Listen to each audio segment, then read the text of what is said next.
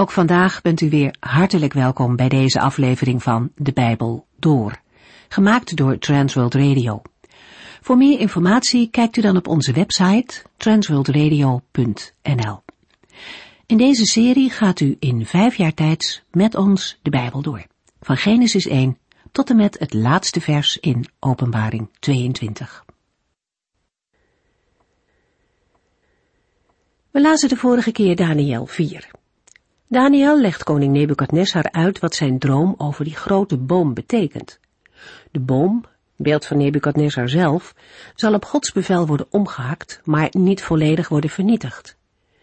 Zeven jaar lang zal Nebukadnessar met en als de dieren van het land leven. Met andere woorden, hij zal als een waanzinnige leven en zijn verstand verliezen. Totdat het ogenblik aanbreekt waarop hij erkent dat hij afhankelijk is van de Allerhoogste God. Als de koning zichzelf vernedert om Gods soeverein gezag over alle koningen op de aarde te erkennen, dan zal de Allerhoogste hem zijn koningschap teruggeven. Daniel roept de koning dringend op om zich te bekeren. En de koning krijgt er voldoende tijd voor. Een heel jaar lang na deze droom gebeurt er niks. Nebukadnezar gebruikt deze tijd niet. Hij blijft een trots en hoogmoedig man. Alles draait om hemzelf.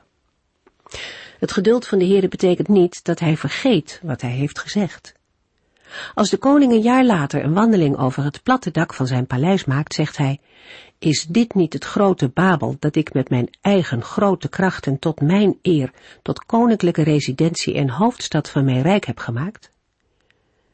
En er komt meteen antwoord, maar niet wat Nebukadnezar verwacht had. Er klinkt een stem uit de hemel die hem vertelt dat hij niet langer zal regeren. Op datzelfde moment wordt de machtige heerser getroffen door een geestesziekte, waardoor hij zich inbeeldt dat hij een beest is en zich ook zodanig gaat gedragen. Gelukkig is dit niet het einde van Nebukadnezar. Zeven jaar later kijkt hij omhoog naar de hemel en dan keert zijn verstand terug. Nebukadnezar erkent de almacht van de ene ware God en buigt voor hem. Hij beseft nu met wie hij te maken heeft. De Almachtige, die niet met zich laat spotten, maar die zich ook vol ontferming richt naar de mens die omhoog kijkt naar de hemel voor hulp. Wij lezen verder, Daniel 5. Het begin van Daniel 5 roept de gedachte op dat de geschiedenis zich herhaalt. Het eerste vers doet namelijk denken aan het begin van Daniel 3. Ook aan dat hoofdstuk is een droom voorafgegaan waarin God laat zien hoe het koninkrijk van de hemel triomfeert over het wereldrijk van Babel. Daniel 3 begint met de woorden, koning Nebukadnessar liet een gouden beeld maken. Daarbij is de conclusie, de koning had niets geleerd van Gods uitleg van zijn droom in Daniel 2. In Daniel 4 vroeg opnieuw een droom de aandacht. Weer klonk de boodschap van de Almachtige Heere, die alle dingen regeert.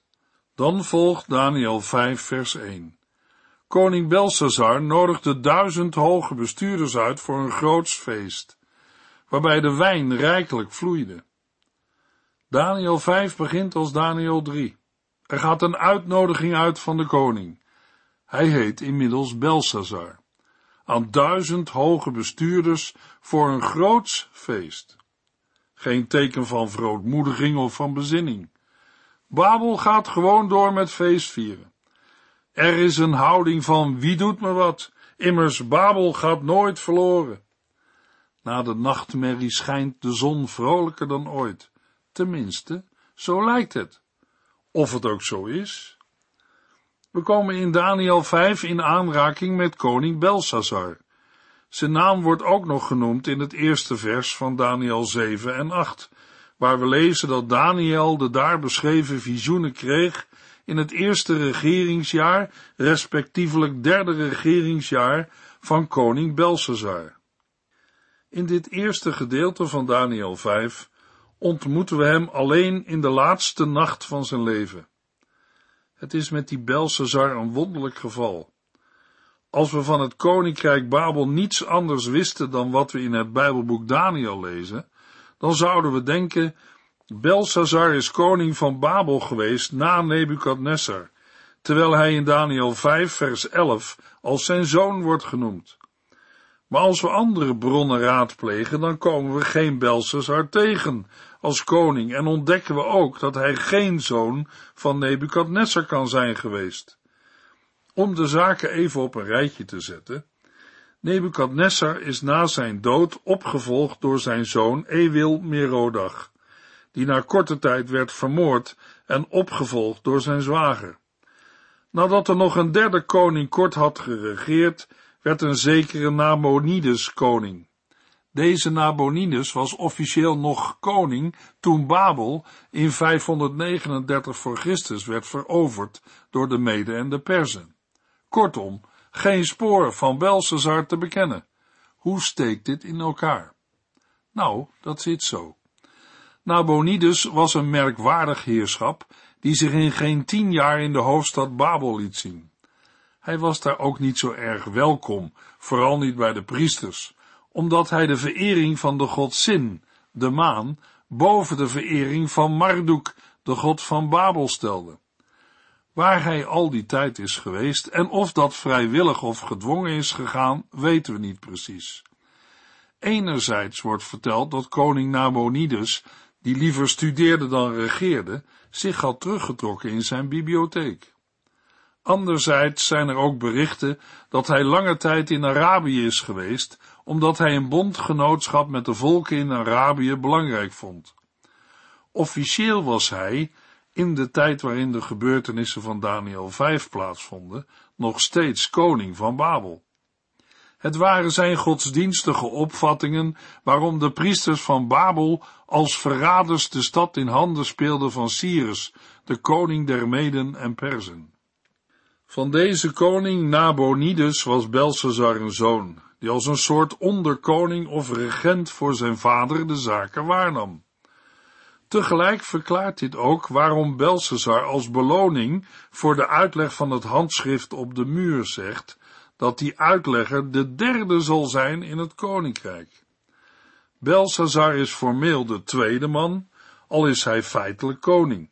In dit verband komen we in vers 11 nog een andere moeilijkheid tegen, omdat in vers 11 Belshazzar een zoon van Nebukadnessar wordt genoemd. Nu kan die aanduiding in de Bijbel ook betekenen dat hij een kleinzoon, achterkleinzoon of een nog verder teruglevende nazaat van Nebukadnessar is geweest. Een soortgelijk spraakgebruik vinden we in het Nieuwe Testament, waar de Joden Abraham hun vader noemen. Maar een probleem is dat Belshazzar een zoon is van Nabonides, en Nabonides stamt niet van Nebukadnessar af. Toch is er in Daniel 5 heel duidelijk de verwijzing naar de afstamming van Nebukadnessar. Misschien ligt de oplossing in de moeder van Belshazzar. Zij is degene die met de woorden in de tijd van uw vader heel nadrukkelijk aan de afstamming van Nebukadnessar herinnert. Waarschijnlijk moeten we het zo zien, dat Nabonides getrouwd is met een dochter van Nebukadnessar, zijn machtige voorganger, en dat Belshazzar in de lijn van zijn moeder van Nebukadnessar afstamt. Daarover zal zijn moeder hem alles hebben verteld. Juist die afstamming maakt dat hij op geen enkele manier is te verontschuldigen. Met zo'n moeder en zo'n grootvader moet Belshazzar terdege geweten hebben wat hij deed. We lazen in het eerste vers Koning Belshazzar nodigde duizend hoge bestuurders uit voor een groots feest waarbij de wijn rijkelijk vloeide. We ontmoeten koning Belshazzar, de enige keer dat we hem in de Bijbel tegenkomen, in een koninklijke feestzaal in Babel, in zijn paleis. Bij opgravingen in het oude Babel is een zaal ontdekt van ruim 50 bij 17 meter. Daar zal mogelijk het feest met de duizend hoge bestuurders wel zijn gehouden.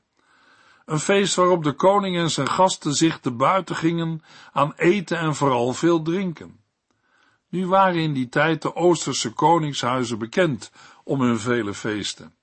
Maar het feest in Daniel 5 heeft toch wel een bijzonder macabere achtergrond. In Daniel 5 vers 30 lezen we, nog diezelfde nacht stierf Belshazzar, de koning van de Galdeeën. Hij ging van een groots feest naar de eeuwige nacht. Dat heeft hij aan het begin van de avond niet geweten. Maar afgezien daarvan de omstandigheden waren er ook niet naar om feest te vieren. Want het gaat in Daniel 5 om de laatste dagen van het gouden hoofd, het hoofd van het beeld uit de droom van Nebukadnessar. De Mede en de Perzen hebben het Babylonische wereldrijk praktisch helemaal veroverd. Koning Nabonides is gevangen genomen. Het grootste deel van de stad Babel is al in handen van de vijand. Alleen de paleisburcht is nog in handen van de Babyloniërs. Dat is op zich nog wel een heel gebied, met sterke vestingwerken en grote voorraden. Maar de situatie is toch hopeloos. De nederlaag hangt in de lucht. En terwijl de ondergang dreigend dichterbij komt en onontkoombaar is, viert Belshazzar feest. Een feest op de rand van de afgrond. Daarmee hebben we ook de boodschap van Daniel 5 te pakken. Het hoofdstuk laat ons de ondergang van het koninkrijk Babel zien. Het machtige en grote wereldrijk Babel stort in. Het is ook een profetie van de ondergang van de wereld, van het Babel van de eindtijd, zoals het laatste Bijbelboek Openbaring het laat zien. In Daniel 5 zien we dat hoe en waarom die wereld ondergaat. In het vijfde hoofdstuk van Daniel gaat het niet alleen maar om de loop van de geschiedenis in de opkomst van het Perzische Rijk. Nee, in Daniel 5 zien we Gods hand die ingrijpt en Babel straft om zijn zonde, afgoderij en goddeloosheid. Want de Heere laat niet met zich spotten. Daniel 5 vers 2 tot en met 4. Onder het genot van de wijn bedacht Belshazzar dat zijn vader Nebukadnessar eens gouden en zilveren bekers had meegenomen uit de tempel in Jeruzalem. Hij liet deze heilige bekers halen, zodat hij en zijn hoge ambtenaren, zijn vrouwen en bijvrouwen eruit konden drinken. De bekers uit de tempel, Gods huis in Jeruzalem, werden gebracht. De wijn werd ingeschonken en de koning en zijn bestuurders, zijn vrouwen en bijvrouwen hieven het glas op hun goden, gemaakt van goud en zilver, koper, ijzer, hout en steen. Belshazzar daagt niet alleen de vijand buiten zijn paleisburcht uit, maar hij doet onder de invloed van alcohol iets wat Nebukadnessar nooit zou hebben gedaan. Toen Nebukadnessar Jeruzalem had ingenomen, nam hij het vaatwerk mee uit de tempel, het huis van de Heer in Jeruzalem, de God van Israël. Maar toen hij tot de kennis van de levende en ware God kwam, heeft hij het vaatwerk opgeborgen. Belshazzar, die als jongen in het paleis opgroeide, heeft ervan geweten. Hij geeft opdracht de bekers te halen, zodat hij en zijn gasten eruit kunnen drinken. Ook naar heidense begrippen is zijn bevel en handeling een belediging van de God van Israël. Dat het beledigend voor de Heere is, blijkt ook uit het vervolg. De koning en zijn bestuurders, zijn vrouwen en bijvrouwen, hieven het glas op hun goden. Met deze daad daagt Belshazzar de Heer uit. Hij wist dat Nebukadnessar tot de kennis van God was gekomen. We lazen in vers 4, de wijn werd ingeschonken en de koning en zijn bestuurders, zijn vrouwen en bijvrouwen, hieven het glas op hun goden, gemaakt van goud en zilver, koper, ijzer, hout en steen. Op datzelfde moment lezen we in vers 5, Plotseling verschenen er vingers van een mensenhand die iets schreven op de gepleisterde muur tegenover de kroonkandelaar. De koning zag met eigen ogen de rug van de schrijvende hand. De Heer laat niet met zich spotten. Op hetzelfde moment dat Belshazzar en zijn duizend feestgangers de God van de hemel tarten en de goden van de wereld prijzen, machteloze stukken goud en zilver, hout en steen, zorgt de Heere, God, de Allerhoogste, voor een eigen onderdeel in het feestprogramma en verstoort hij het feest. Op de muur tegenover de tafel van de koning, waar het licht van de kandelaar op valt, verschijnen vingers van een mensenhand. De vingers schrijven zwarte lettertekens op de wit gepleisterde muur tegenover de kroonkandelaar. De koning ziet het, verstijft en wordt lijkbleek. Hij wil opstaan, maar kan het niet. Als het niet zo intriest was, dan zou je erom moeten lachen. Daniel 5, vers 6. Hij verbleekte en werd zo bang dat zijn knieën knikten en zijn benen het begaven. Belsazar, de stoere spotter, die durft wat niemand durft, die feest viert op de rand van de afgrond en nu niet eens op zijn benen kan staan, omdat hij een vinger van God ziet. Luisteraar, het is ook een aanwijzing van Gods geduld voor mensen die vandaag de spot drijven met de Heere en alles wat van hem is. Ziet u zijn almacht? De Heer hoeft maar één vinger uit te steken en de mond van de spotter wordt gesnoerd. Zeker, het zou bij ons de vraag kunnen oproepen, waarom grijpt de Heer niet eerder in? In 2 Petrus 3 vers 9 lezen we daarop een verrassend antwoord. Sommigen denken dat hij, de Heere, treuzelt, maar dat is niet zo. Hij wacht alleen met het vervullen van zijn belofte, omdat hij zoveel geduld heeft. Hij wil niet dat er iemand verloren gaat, maar dat alle mensen tot bekering komen. Petrus zegt er in vers 10 nog achteraan, de grote dag van de Heere komt net zo onverwacht als een dief. De dag van Gods ingrijpen komt zeker, dat merkt Belsazar, en dat zullen alle spotters die zich niet bekeren ook ontdekken. In Psalm 1, vers 1 lezen we al, in Gods woord, Gelukkig is de mens die in de wandeling niet luistert naar de raad van slechte mensen, die niet blijft stilstaan op de weg van de zondaars en vermijdt te zitten bij hen die met God spotten.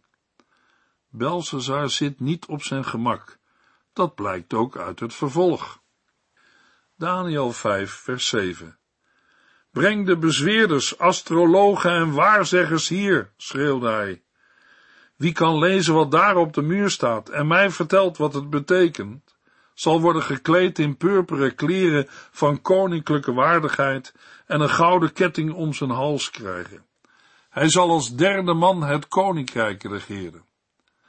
We lezen in vers 7 dat Belshazzar schreeuwde en ook het vervolg laat zien hoezeer de koning in paniek is. Uit de woorden van vers 7 krijgen we de indruk dat hij al tot de wijze en geleerden spreekt voordat ze in de feestzaal zijn binnengekomen. Natuurlijk, de wijze van Babel, zij moeten weer komen opdraven.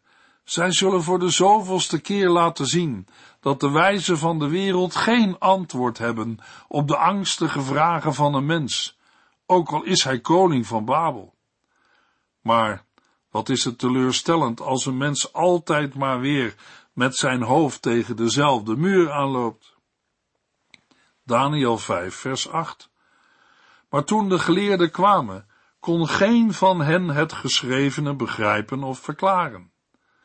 Na alles wat wij in Daniel 2 en 4 van hen hebben gezien, verbazen wij ons daar niet meer over. Toch ligt vers 8 de sluier nog wat verderop over de geleerden van Babel. We lazen geen van hen kon het geschrevene begrijpen of verklaren. Met andere woorden, zij konden het schrift niet lezen. Daar zien we de diepste oorzaak van de dwaasheid van de geleerden van Babel en van de wijzen van deze wereld. Zij zeggen de stand van de sterren te kennen. Zij kijken in de ogen van mensen en volgen de lijnen in een menselijke hand. Ze hebben contact met hun goden, die niets anders zijn dan machten van de duisternis maar het geschrevene van de Heere kunnen ze niet begrijpen of verklaren. Luisteraar, zij kunnen het niet ontcijferen, omdat zij de Heilige Geest missen. Als een wijze of geleerde de Heilige Geest mist, die de bron van alle waarheid is, en de enige die ware wijsheid leert, dan kunnen zij niet helpen en iemand wijzer maken ten aanzien van de toekomst. Want de toekomst ligt in Gods hand. Daarom konden de geleerden van Babel het geschreven niet begrijpen of verklaren. Dat kunnen de toekomstvoorspellers van vandaag nog steeds niet. Daarom wil de Heere niet dat zijn kinderen naar zulke toekomstvoorspellers luisteren of lezen wat ze schrijven. Dat is toch logisch? Ze wijzen een verkeerde weg. Zij benemen het zicht op wat de Heer in zijn woord heeft geschreven. Daniel 5 vers 9 De angst van de koning nam toe. Zijn gezicht was doodsbleek en ook zijn bestuurders waren ontzet. U zult begrijpen dat de onmacht van de wijze en geleerden van Babel niet bevorderlijk is voor de gemoedsrust van koning Belshazzar. Steeds bleker wordt zijn gezicht, steeds groter wordt zijn angst. Ook zijn bestuurders raken ontzet. Het rumoer en de onrust in de feestzaal groeit. Er hoeft maar weinig te gebeuren. En dan is de feeststemming omgeslagen in een panische angst. Niemand in de feestzaal weet wat er nu moet gebeuren. Daniel 5 vers 10 Toen de koningin de kreten hoorde, haastte zij zich naar de feestzaal en zei tegen Belshazzar, Majesteit, het is niet nodig zo bang te worden. Gelukkig komt er nog iemand de feestzaal binnen. Het is de koningin. We zullen niet moeten denken aan een van de vrouwen van Belshazzar, want die zijn met hem aan het feest vieren in de zaal. Trouwens, die zouden ook nooit zo tegen hem durven spreken. We zullen moeten denken aan de koningin moeder. In haar optreden herinnert zij aan koning Nebukadnessar. Zij was niet op het feest van Belshazzar. Uit heel haar optreden krijgen we de indruk dat ze helemaal niet gelukkig is met het doen en laten van haar zoon. Haar aandacht wordt getrokken door de ongewone kreten uit de feestzaal. Toen ze had gehoord wat er aan de hand was, haastte zij zich naar de feestzaal.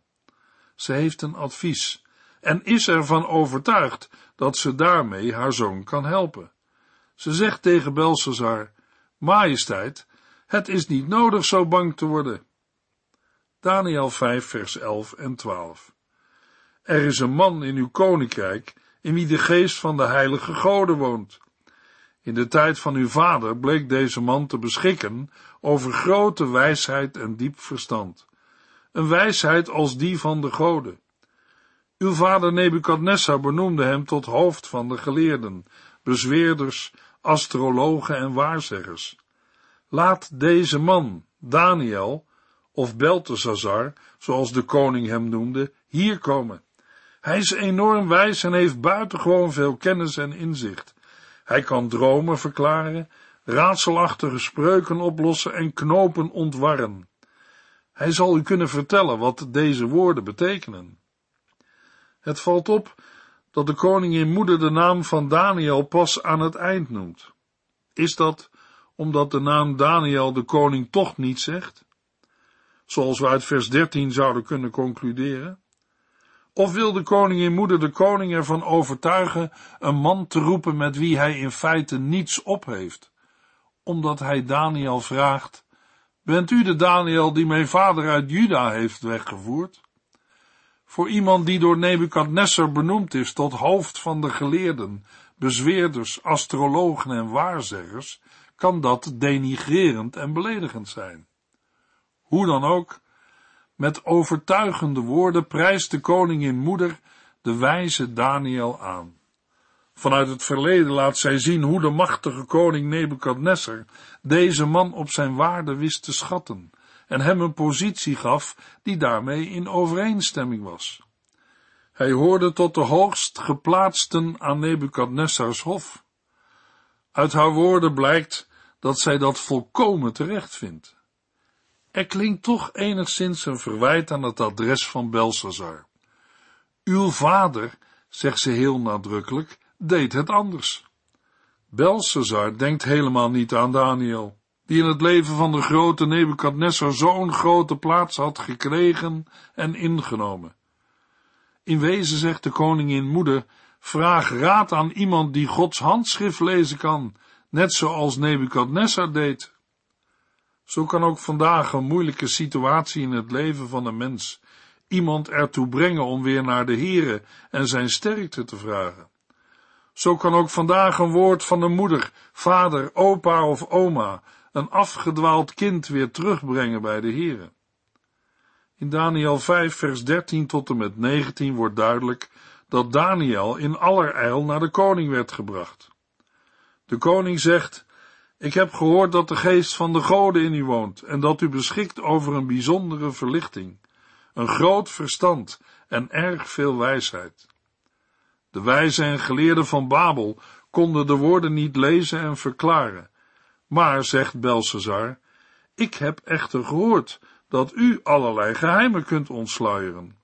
Welnu, als u mij de betekenis van deze woorden kunt uitleggen, zult u worden gekleed in purperen kleren en een gouden ketting om uw hals krijgen. Bovendien zult u als derde man regeren over mijn rijk. Daniel wijst de geschenken van de koning af, vooral omdat hij zich bewust is dat de Heer hem het mogelijk maakt om het schrift op de muur te lezen. Hij zegt in vers 17 tot en met 19, Geef uw geschenken maar aan een ander. Ik zal u even goed wel vertellen wat daar staat en wat het betekent. Majesteit, God de Allerhoogste, heeft uw vader Nebukadnessar een koninkrijk en eer, luister en majesteit geschonken. Alle volken ter wereld beefden voor hem.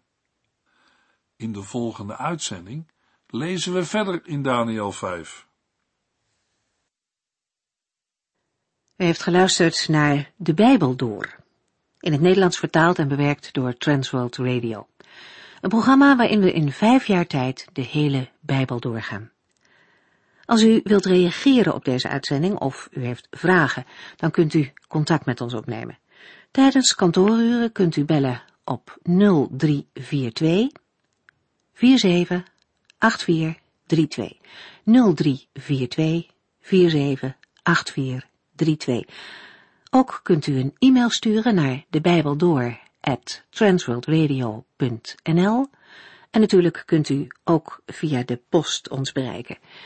TWR, postbus 371, postcode 3770, AJ in Barneveld. Dit programma werd gepresenteerd door Cor Weda en Ike André. Techniek was in handen van Odin van Voerkom. En wij allemaal bedanken u voor het luisteren. Graag tot de volgende keer.